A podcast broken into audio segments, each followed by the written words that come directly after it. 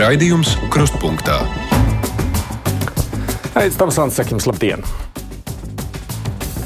Šī nedēļa nāca mums ar ziņu, ka saimnes deputāti, Rīgas domnieki un vēl citas amatpersonas ir izsludināti starptautiskajā meklēšanā.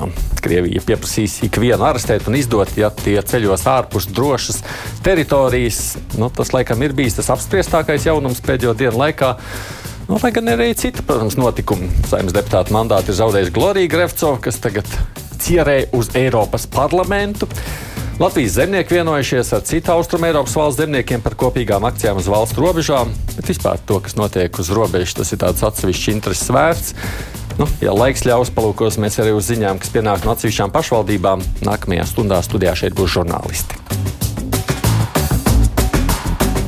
Bet mēs šajā pusstundā pieminēsim arī autosacensības, jo mans partneris kopā uzklausīt brīvā mikrofonu šodien motora sporta TV komentētājs Alans Putniņš. Labdien! Sveicināti! Kas tad savukārt ir aktuāls jūsu jomā?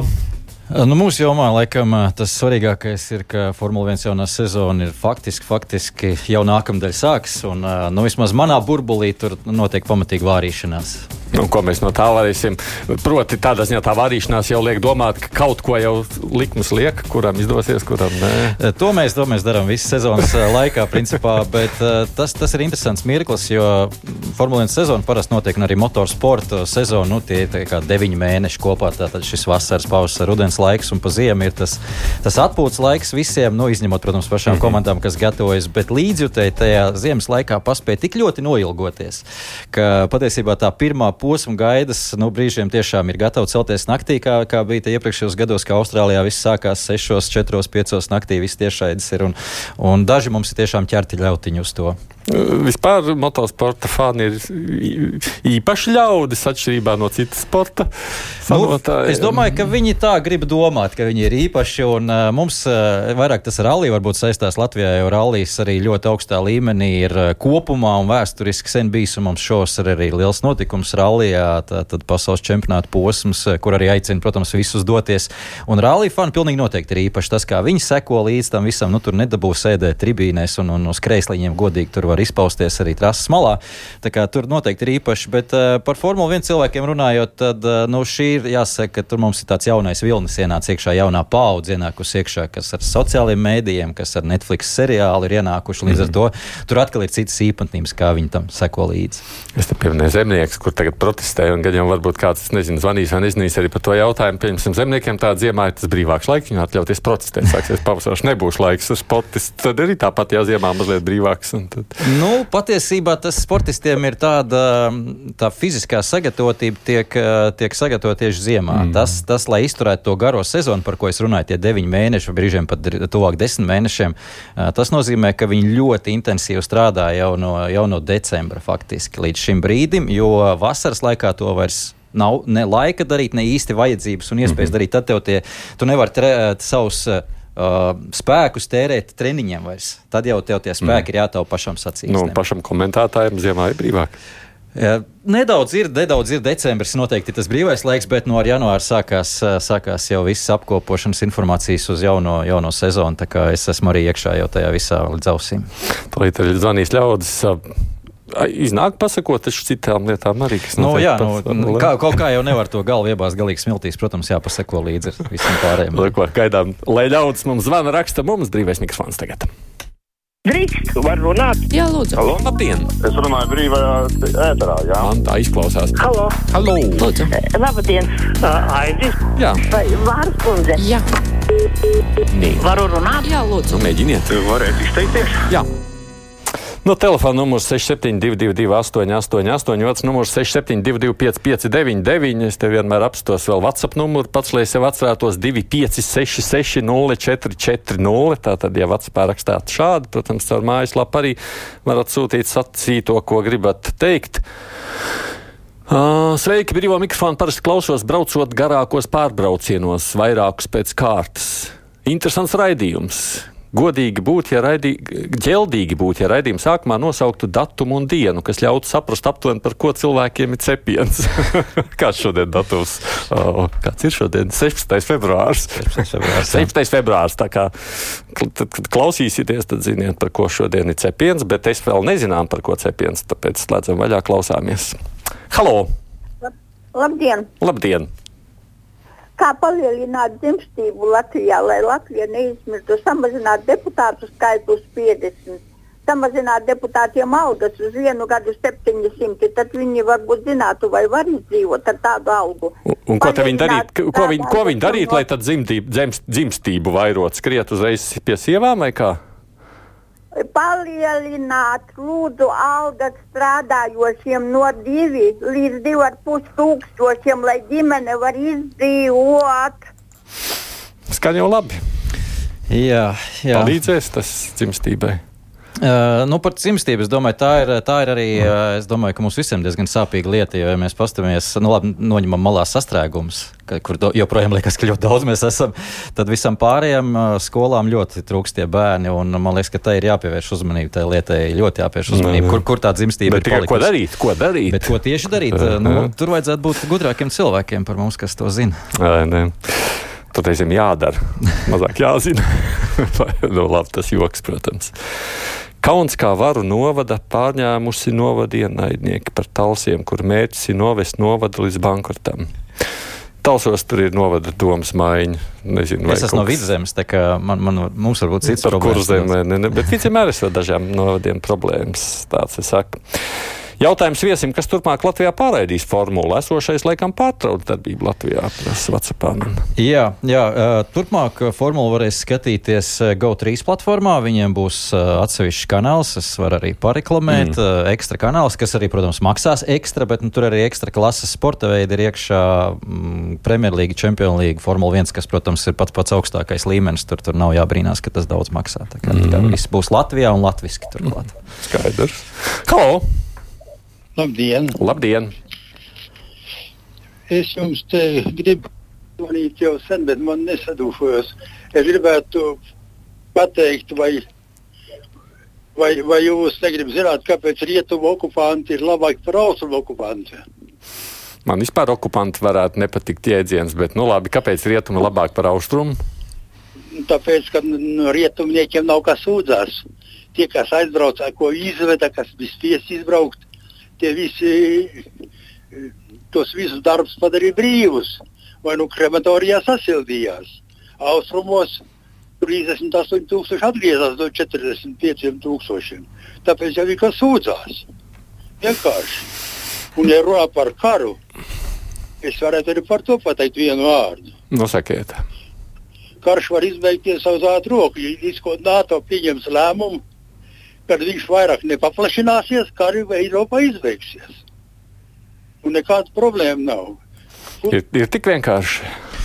Nu, droši vien, ka lielajā pasaulē nekad nav tik vienkārši viss, un mēs esam tur višķiņi pa vidu tam visam tām lielvarām, kā vienmēr esam bijuši, un ārkārtīgi smaga tēma ir, bet, nu, ma manuprāt, lai nu kaut ko mēs varam paņemt no tās šīs kara situācijas, tad uh, kaut kā tā latviskuma apzināšana, man liekas, ka mums sabiedrībā ir kļuvusi lielāka. Un tas patriotisms, vismaz es, es savā aprindās to jūtu krietni vairāk nekā tas bija iepriekš. Es tikai klausītājiem varētu pateikt, paldies Dievam, ka NATO neklausījās tādos kā jūs savu laiku un uzņēma Latviju. Kur mēs būtu, ja mēs nebūtu NATO? Man liekas, ka mums jau būtu krietni sliktāk šeit šobrīd jau. Abortu aizliegums noteikti palielinātu dzimstību. Tā domā mums viena klausītāja WhatsApp. Jā, nu droši vien, ka tas uh, mums neglābtu situāciju uh, kopumā.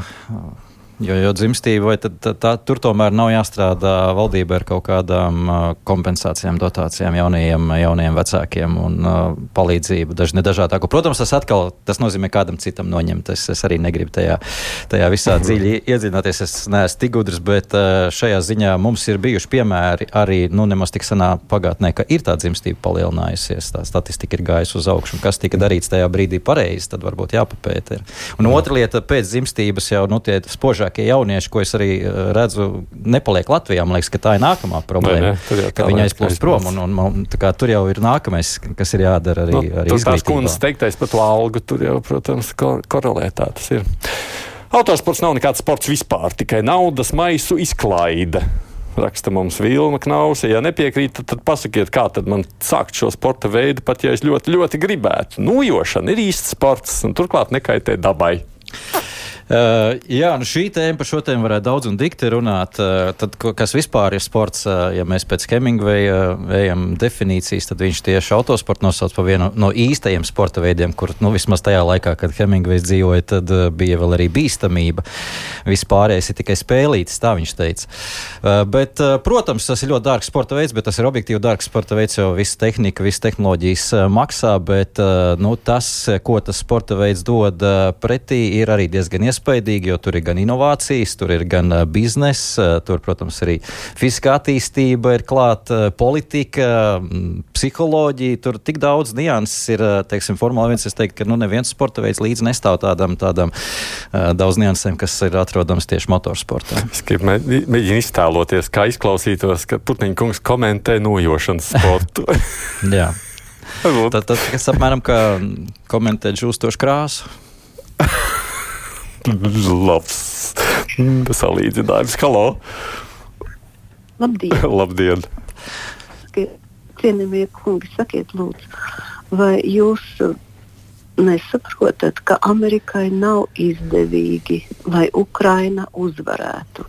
Jo tad pastiprināsies Eiropas lielāka ietekme. Un tas amerikāņiem nav izdevīgi. Un kas viņiem Neredz, ir izdevīgi? ka Krievija uzvarētu? Viņu, nē, viņiem ir izdevīgs šis stāvoklis, kad ir karošana un kad kara rūpniecība ceļ viņu iekšzemes koproduktu. Bet ilgstoši tā nevarēs, vai ne? Bet ilgstoši jau tā nevarēs. Tas ir varbūt šobrīd. šobrīd. Un tālāk? Neko mums nebija gatavs. Laikam, ah, laikam par ātru tomēr atslēdz kundzei. Nost, vai ne? Nu, nevar karot mūžīgi. Nu, droši vien, ka nevar karot mūžīgi. Es ļoti ceru, ka tā ir. Eh, bet nu, tā palīdzība mums, domāju, Ukraiņiem būtu nedaudz vairāk nepieciešama nekā tas ir šobrīd. Tās pēdējās ziņas ir diezgan satraucošas par to, ka trūkst, trūkst ļoti daudz kā. Man personīgi ļoti sāp sirds par visu to, ko es tur klausos un lasu. Aidi, kāpēc tevi kā labāk, Aldi, kāpēc tevi galā es jau sev gribēju ielikt, kā labāko F1 apskatnieku Latvijā nepieaicinās komentēt F1 sezonas posmas GO3 televīzijā? Uh, es uz šo nedaudz savādāk skatos. Uh, jā, es, es nekomentēšu, bet man līdz ar to būs iespēja atgriezties pie sacensību apmeklēšanas klātienē, akreditēties uz vietas posmiem, un uh, to es gribēju jau ļoti sen atkal darīt. Atsākt, ko es nevarēju apvienot nekādā veidā ar komentēšanu šeit no vietas, no Rīgā, no studijas. Tā kā šogad es braukšu uz vietas, un uh, nu, tie, kas, tie, kas man seko vis kaut kur, tie arī varēs, varēs dzirdēt, uh, noklausīties, palasīt par to, kas notiek klātienē. Nu, lai paliek pie šīs arī atbildes. Halo! Halo, halo. Jā, lūdzu. Halo, halo. Uh, 5. 5. februāra Latvijas avīze ir dzēduļa raksts. Halo! Jā, jā, runājiet. Halo. Es, mēs dzirdam, dzirdam, jā, runājiet. Ir, ir, jā, ir dzēduļa raksts, kā uh, Krievijas pilsoņi izpērk Latvijā nekustamos īpašumus. Uh, un tā šeit ieplūst arī šo e, Krievijas uzņēmēju e, negodīgā e, nu, saimniekošanas veids. Kaut kur bija ziņas, ka e, Somija apsver iespēju e, aizliegt Krievijas pilsoņiem ie, e, aizliegt iespēju iegādāties nekustamos īpašumus. E, vai Latvijai nevajadzētu iet šo pašu ceļu? Nu, šobrīd jau laikam, es neesmu rakstu lasījis, nezinu, esat lasījis Alde. Nesat, ja. E, es domāju, ka vispār, ja kāds vēl šobrīd no Krievijas iegulda, tad jādomā jau, ka tie ir tie cilvēki, kas bēg no Krievijas pašreizējās politiskās situācijas. Es tā domāju, bet nezinu. Uh, manuprāt, uh, Krievijas un bijušās padomjas Savienības cilvēki kā tādi ir ļoti labs pārbaudījums jebkurai sistēmai, uh, jo viņi vienmēr cenšas to sistēmu apšņaukt, apiet un kaut kādā veidā izmantot. Un, ja viņi tiek pie tādām iespējām, tad es domāju, ka Latvijas valdībai vienkārši vajadzētu skatīties, kur tādas iespējas, ko, ko viņi dara un ātri šīs iespējas attiecīgi likvidēt un, un tā, tādā veidā vienkārši to sistēmu uzlabot. Ide, mm. Ideāli testa, testa variants, kā notestēt sistēmu, vai viņi ir. Nu, Pret, spēja pretoties šādiem variantiem vai nespēja? Ja mums vispār bija diskusija, mēs redzam, līdz ar došu ienākšanu visām tām kaislībām, kas tur bija, un pēc tam viņa iztumšana ārā. Vajag mums vispār ļaut jebkādiem krieviem te kaut ko, vai mēs viņus tur kaut kā gradējam, kur ir par un kur ir pret. Nu, Putina. jā, šajā ziņā es domāju, ka tā ir ļoti smaga diskusija. Es domāju, ka tur pārpret, nu, gal galā pret, tu esi pret ārzemēs, tu esi pret Krievijā, to tur ir tās divas dažādas lietas. Un, un es domāju, ka viņi ir jāmudina uz to, lai viņi, ja viņi ir pret, tad viņi ir pret skaļāk un viņi pret savā valstī, nevis sēž siltumā, nezinu, Eiropā vai Latvijā, un tad viņi ir pret. Mm, Nu, Tāpat dzimstība man neviens raksta, ja tautas attaudas pēc valsts drošības ir nākšais svarīgākais, kas jārisina valdībai, raksta arī Birkmaņa kungs. Mums nebūs latviešu, nebūs arī Latvijas, un tā parādnieka izstrādātā tautas attaudas stratēģija ir jāīsteno pēc iespējas ātrāk. Nu, šis ir jautājums, kas, es piekrītu, būs sāpīgs, un mēs jau to jutīsim pēc dažiem gadiem ar vien vairāk un vien vairāk. Paši par sevi. Kādas, tiem viesim attiecības ar Latvijas zemesardzi un kam dēļ? Prasa Gunta ar uh, zemesardzi. Jā. Attiecības man tieši personīgi kādas attiecības nav, bet uh, ņemot vērā visu situāciju, tad zemesardze ir kļuvusi krietni, krietni uh, uzrunājošāka man kā vīriešu cilvēkam. Man uh, daudz paziņas šobrīd ir arī iestājušies zemesardzē, un arī es visu laiku domāju šo lietu darīt. Protams, tur ir laiks jāatlicina, jo tā nav tā, tāda vienkārša lieta. Tur ir, protams, arī sagatavošanās process, un tur ir laiks jāvēl tam visam. Jā. Un, ja laika atradīs, tad, tad protams, tas ir. Es, piemēram, veselības dēļ vairs nevarētu. Tad, tā esmu šo lietu apsvērs. Halo! Labdien! Labdien. Vakardien intervēju Ukrāņu bēgļus, kas dzīvo Latvijā. Neviens gan viņiem nepaprasīja, ko viņi domā par to, ka viņiem te palīdz un ziedo un visu kaut ko, bet no otras puses uz nebēdas ar Ukrāņu slepkavām. Jā, un nemaz netaisās to pārtraukt. Visu. Ko, ko. Ar Ukraiņu slepkavām tirgojas. À, tirgojas, jā, sapratu, jā. No tā tirdzniecība ar Krieviju. Ne tikai Ukraiņai, protams, arī Latvijai. Jā, nu tā ir, tā ir tas vēl viens caurums, kas jāiztaisa. Ir jāiztaisa, nu, protams. Jā. Protams, visi, visi mēs ļoti ilgu laiku esam baidījušies no tās uh, nabas saites saraušanas ar Krieviju, bet nu, viss skatās, ka tas tomēr kaut kādas atsevišķās grupās, atsevišķās biznesa interesēs. Nu, vai tiešām mēs nevaram to izdarīt nedaudz, nedaudz krasāk un asāk? Man tā vilšanās ir par tiem zemnieku streikiem, ko es te pieminēju, protestiem. Nu, viņi šeit mums Latvijā protestē par to, ka Krievijas preces ieved. Tagad viņi vienojušies ar citiem Austrumēropas, tur vairs tā Krievijas vārds neparādās. Tur protestē pret Ukraiņas preču ieviešanu. Jā, nu zemniekiem es arī esmu patiesībā no laukiem, un nu, es arī zemniekiem jūtu līdzi. Es nezinu, godīgi sakot, tik dziļi tās, tās visas peripētīs šajā gadījumā, bet tā ir, tā ir sāpīga lieta. Es redzu, kā zemnieki strādā tur tiešām agri ceļās. Vēl viena klausula paceļam šobrīd uzreiz. Halo! Labdien! Labdien. Sakiet, lūdzu, vai nevajadzētu Nobela prēmiju piešķirt cilvēkam tādam, kas izgudrotu, kā var noteikt, lai valstis vadītu nevis eh, nu, teiksim, līdz pēdējai dzīves momentam, bet automašīnu, automašīnas vadīšanai ir noteikts laiks, kad var un kad vairs nevar. Bet valsti var vadīt, vārds sakot, cik tu vien kuram iegribās. Tur man liekas, ka Nobela prēmija nevajag. Jā, nevajag tam, jā. uh, nu, tur vienkārši jāievēro konstitūcija droši vien, ko, ja tāda ir valstī. Nē, nu, Amerikā mēs redzam šobrīd sacenšās divi vecīši, kurš ir, nu, viens vēl tīrs brauns. Tam otram pavisam grūti klājas šobrīd. Un tik un tā, daudziem viņš labāks nekā tas otrs. Tā kā tas, tas, tas, jā, nu, katram savu sistēmu. Nekārt. Togo ir viena no nabadzīgākajām valstīm. Man te viens vecapā raksta, bet bērnu īpatsvars ir ap četri. Rezumē, jānovada valsts līdz nabadzībai un dzimstība uzreiz pieaugs. Jā, nu tā jau tāda, es domāju, ka iezīme diezgan vēsturiski, jo nabadzīgāka valsts, jo lielāka dzimstība. Līdz ar to ir, starp citu, arī lielāka mirstība bērniem. Krietni, mm -hmm. krietni lielāka. Pastieties uz Āfrikas valstīm, tāpat Togo.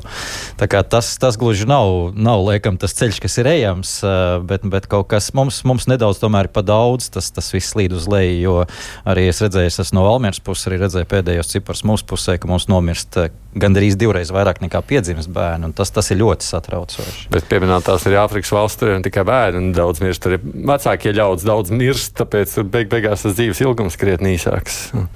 Skatāmies, tad dažas valsts nu, vidējais vecums cilvēku dzīves, un vispār cilvēku iedzīvotāju vidējais vecums pār pa 20 gadiem, 30 gadu vecs. Nu, proti, vienkārši tur līdz sirmām vecumam tā nedzīvo. Halo! Labdien! Labdien! Es domāju, ka senie vajadzēja Maskavas ielu pārdēvēt par Latvijas ielu. Vismaz latvieši atbrauc Rīgu, viņiem tieši būtu pastaigāties par savu ielu vai porši. Mm. Šobrīd rīznieki lemj par to atbalstāt. Jā, jā, protams, mm. viņa arī atbilst geogrāfiski virzienam. Nu, tā ir vienmēr bijis. Mainās, mainās vāra, mēs mainām arī lielu nosaukumus, un tas nekas jau nav mainījies. Mainīsim arī tālāk. Halo! Labdien, Aivi! Labdien! Tā, nu, ko es jums varētu pateikt par to dzimstību? nu, kā es braucu pa ceļu, pabraucu garām jauna meitene, papīros mutē ar džipu. Nu, kāda tas ir dzimstība? Viņam jau nav prātā par dzim, dzemdēšanu. Jūs domājat, paprasti? Vai ievies bezbērnu nodokļu visiem šiem jaunajiem? Aha. Jā. Es dzirdēju, ka bezbērnu nodoklis bija apcīt padomu laikos. Tas, tas, jā, tas ir otrā virzienā. Tātad nevis mēs sekmējam jaunos vecākus, bet mēs sodam tos, kas nedzemdē. Nu, es nezinu, vai, vai ar pārtagu vai ar burkānu vajag labāk darboties. Tas, man liekas, tas burkāns kaut kā labāk strādāja, bet, nu, laikam, tie burkāni visiem nepietiek. Arī visi grib burkānus. Jā. Tā beidzot, kur te man pazuda vēl, beidzot ar ātru uzrakstīt. Šis ir mans mīļākais raidījums, un man vēl nav 40. Visu cieņu tev aidi ar cieņu šūnu mašīnu meistars. O? Šim, šim meistaram iespējas vairāk klausīties Latvijas raidījumā. Aida nepilnīgs info par zemniekiem. Iepriekšējā protesta rīkotāji nepiekrīt šiem protesta punktiem bet šo savukārt bīda citas organizācijas. Savukārt bezbērnu nodoklis mums jau ir caur neapliekamo minimumu. Te viens klausītājs aktīvi komentē. Nu, mums ir patiesībā tādā ziņā jau ir progresīvi. Ja tev ir, pieņemsim, viens bērns, tev tur ir 170 vai cik tur tie uh, pabalsti, neapliekamais minimums divi, jo tur uzreiz 340 mm. un tā uz priekšu. Arī pabalsts. Kaut kādā mērā jau tāda progresivitāte pat laikam arī parādās. Viesis varētu par diktoru strādāt radio. Ļoti labi var saprast, ko runā. Jā, nu, daudz nācies runāt ar mikrofonā, laikam tas, tas lēnām izglītoja. Jo, jo mūsdienās, ja tu kaut ko nepareizi pasaki vai izdari, tev ļoti ātri uzreiz to atzīmēs un, un pateiks savukārt, ja tu pareizi izdari, tad, tad parasti ir klusums. Un, un tad, ja ir klusums, Atcik, tad ir labi. Tad pie savas valodas piestrādā. Uh, jā, jā, kādu laiku atpakaļ piestrādājot, pēdējā laikā nav sanācis, bet jā. Nu, tas jau nosēžas. Halo! Jā. Jā, lūdzu. Brīvais mikrofons. Brīvais mikrofons. Es tā. Eh, par to ielu pārsaukšanu. Mm. Mēs cīnāmies Ukraiņu vārdā, bet toties rakstnieks Goguls jau arī ir uh, Ukraiņas pēc tautības. Vai tad mums patiešām tā Gogoļa iela arī jāpārsauc? Ir? Man liekas, ka tepat es redzēju, ka kāds tur sūtīja vēstuli no domniekiem, lai skaidrotu, kas ir Gogols un vai, vai viņu vajag pārsaukt. Nu, no vienas puses, nu, tā ir mūsu emocionālais atbalsts. Nu, kā citādi, lai mēs paužam šo savu noskaņojumu maz ar ielu pārveidēm. Uh, labi, mēģināsim vēl kādu klausītāju. Halo! Labdien, Aivi! Man Labdien. ir tāds jautājums, vai, vai nevarētu varbūt jūs variet to man tā pateikt. Vai nebūs, vai būs kādreiz tāda lieta, kad pat ministriem būs tikai nevis no partijām, bet tie, kas kaut ko sajēdz no tās uh, lietas, ko viņi grib tur eh, būt pa ministru. Nu, nu tagad viss ir, ja ne kaut vai ar likumu noteikt, ka nevar tur no, skatīties no partijām, bet no tā, ko tu sajēdz. Bet jūs domājat, ka šīs lietas abas nav apvienojamas? Nu, ka no partijas arī kāds kaut ko sajēdz? Nē, nu, ot, lai, lai, lai parāda, ka viņš saprot, bet patreiz tāda nav. Tāda neviena nav. Jā. Kāpēc? Nu, kā jūs to spriežat? Ne čakši, nē, nu, nacionāli. Nu, tie tik šausmīgi vielīgi, ka briesmas viņi tik zina, ka krievi nāk, vairāk viņi neko citu nezina. Bet viņi jau tāda Otrs opozīcijā. ir, jā, bet viņi arī par to, mini, par to aizsardzības ministru. Nu, Lēlī ielika. Nu, nevis vīrieti tur to kaulu, kaulu bet nu, Lēlī ielika. Nu, nu, kur tas ders? Šī tā diskusija, kas ir bijusi, vai ne? Mums vajag profesionāļus, menedžerus vai profesionāļus, savus jomas pārzinātājus. Un tur vienmēr ir savi par un pret. Jā, nu droši vien, manuprāt, svarīgi ļoti ir tie padomdevēji, kas stāv aizmugurē, jo nu, skaidrs, ka nevar būt ļoti dziļi iekšā ministrs, un tas varbūt arī nav viņa uzdevums ar tādu mikromanagementu nodarboties. Ja viņam apakšā ir laba komanda, kas to strādā, tad viņš ir nu, faktiski aizberga virsotne, kuram kaut kāda politiska aizmugure, lai tos, tos lēmumus izbīdītu. Un, un, un, nu, reāli politiķiem droši vien jābūt virsotnē, bet nu, jā, apakšā jābūt ir tiem Nu, profesionāļiem. tā jau gan arī šķiet, visi Tā- tā saka, ka tā vajadzētu būt, dara. jā. Vai, ne? vai tā dara, tas ir labs jautājums. Čau, vai tifosi tagad šogad beidzot varēs raudāt aiz laimes, nevis bēdām? Tifozī. Tas ir domāts, eh, domāts Ferrari nemāku līdzekļi. Jā, eh, Ferrari līdzekļi sauc par tifozī. Uh, jā, tas, uh, tas droši vien jautājums sakarā ar to, vai Ferrari šogad atzīst vai nē. Es domāju, ka tomēr tur vēl nedaudz būs jāpagaida. Tā, tā, tā situācija neizskatās viņiem tāda, ka viņi varētu cīnīties jau par čempionu titulu. Tā kā Tifozī tas būs vēl viens no pēc kārtas jau kāds 20. gads, kur, nu, varbūt nākamgad. Tā, kā, tā, tā apmēram. Vai raudāt gluži, es nezinu, bet nākamgad viņiem pielie, pievienojas uh, Lūsis Hamiltons, kas vispār kopumā pasaulē ir pats pats lielāko, laikam, svaru Formula 1 uh, pilots un ko pazīst arī ārpus šī sporta veida robežām. Uh, Līdz ar to tur tā, tā, tā jauda. Nu, tā, tā komandai pilnīgi noteikti būs krietni, krietni lielāka. Tas par to tifosi un tifoziju man atgādināja mums otrā zvanītāja. Tikko zvanīja, teica Aivi. Un es domāju, uz kur tas attiecas? Aldis vai Aidis? Kurš ir Aivis no mums? Tā tu ir ar tiem vārtiem tajā brīdī, kad tu vai nu nemāki izlasīt, vai pats nemaz nezini. Sievai pirmajā dekrētā māmiņa alga bija 80% no algas, otrajā dekrētā 43% no algas. Nebūtu man laba alga, es galus vairs nesavilktu. Trešais bērns mums nebūs, jo tad būtu jādzīvo uz roltoniem. Tā mums raksta Edgars. Nu? Jā, uz roltoniem bērnus nevar uzaudzināt. Tas pilnīgi skaidrs. Sievai arī nebūtu lāga barot. Jā, varbūt, varbūt tā ir viena no lietām. Es, es atceros, kad man bērni bija pavisam mazi, tad tomēr valdība maksāja diezgan labas kompensācijas par, par nu, iepriekšējo algu, kas ir bijis tātad vecākiem. Un, un, un tad no tā varēja dzīvot tos mēnešus, kamēr es bērnu, bērnu kā, varbūt, jāmēģina saprast, kāpēc šajā reizē, otrajā reizē bija tas mazākais. Es nemaz nezinu pašreiz, kā tā situācija ir. Halo! Labdien! Labdien! Es jums gribēju atgādināt 2005, 2006, 2007 gadu, kad Latvija palika tukša, kas notika 8, 9. Bankas visu laiku reklamēja. Jūs varat aizņemties, jums nemaz nevajag darbu, nemaz nevajadzēja uzrādīt, ka tev ir. Un tām bankām nekas, un cilvēki brauca prom, un tur viņš šodien ir. Mm -hmm. Ar visiem saviem bērniņiem, kam bija jābūt Latvijā. Nu, tā ir tā liela izceļošana, kas mums bija vai ne Latvijā, ko esam piedzīvojuši. Kā vērtēt televīzijas programmu, tikai vecas filmas uz rīņķi iet? Varbūt jāprasa tiem, kas jaunas filmas, tā ir kā, kā tur ir jaunām filmām. Es redzēju, tur bija jautājums starp citu par no. motoru sportu. Viņš viņu uz leju tur bija par motoru sportu. Cik, cik tas, jā, lūk, lūk Šis, jā. jā, ka tērē resursus. À, es gribēju to atbildēt. Jā, jā, es, ne, es nepaspēju pārskatīt visu. Reiz man klausītājiem jāatvainojas. Man nāk daudz to vēstuļu, kas man pirmās iekrīt acīs, to es lasu no. Ka respektīvi bezjēdzīga. Dabas, ir... dabas resursu un dzelžu bezjēdzīga tērēšana un dabas piesārņošana. Taču adrenalīnu var iegūt ar muskuļu spēku. Jā, uz šo es gribēju atbildēt, jo patiesībā tas jāskatās nedaudz plašāk, jo motorsports, un jo īpaši Formula 1, kāpēc tur iet arī daudz autoražotāji, patiesībā tā ir kā laboratorija uz riteņiem, kur viņi testē jaunās, jaunās visas sistēmas, jaunas inovācijas, un attiecīgi tās pēc tam tiek ieviestas dzīvē ne tikai autobūvē, un tās mums ne tikai atvieglo dzīvi, bet arī, protams, iet arī ekoloģiskā virzienā. Bet autoražotāji neieguldītu tādu naudu, ja viņiem nebūtu iespēja to darīt Formulā 1, kur pie reizes arī milzīgi mārketinga atdev tam visam. Līdz ar to viņi paliek pa nulēm. Viņi nezaudē to naudu, ko viņi ieguldījuši šajā, šajā izpētē, šajā attīstībā, šajā uh, laboratorijā, tā. tā kā, un pie reizes, protams, mēs gūstam arī no tā vēl prieku prieku, tā kā tur viss ir ieguvēji no tā. Un patiesībā par to tērēšanu ir tā, ka šobrīd Formula 1 ir pats pats efektīgākais iekšdedzes zinējs pasaulē, divreiz efektīgāks nekā jebkurai ielas mašīnai. Nē, viņš ir kājām gājējis parakstījis. Viņam nekāds labums. Nē, nu, jā. mašīnas nepatīk. Jā, Dika ir saraukt tādā veidā. Paldies, Motorsporta TV komentētājs Aldis Putniņš. Paldies, ka atnācāt šeit uz. Paldies, ka uzaicinājāt daudz interesantu jautājumu, uz kuriem noteikti man nebija atbildes.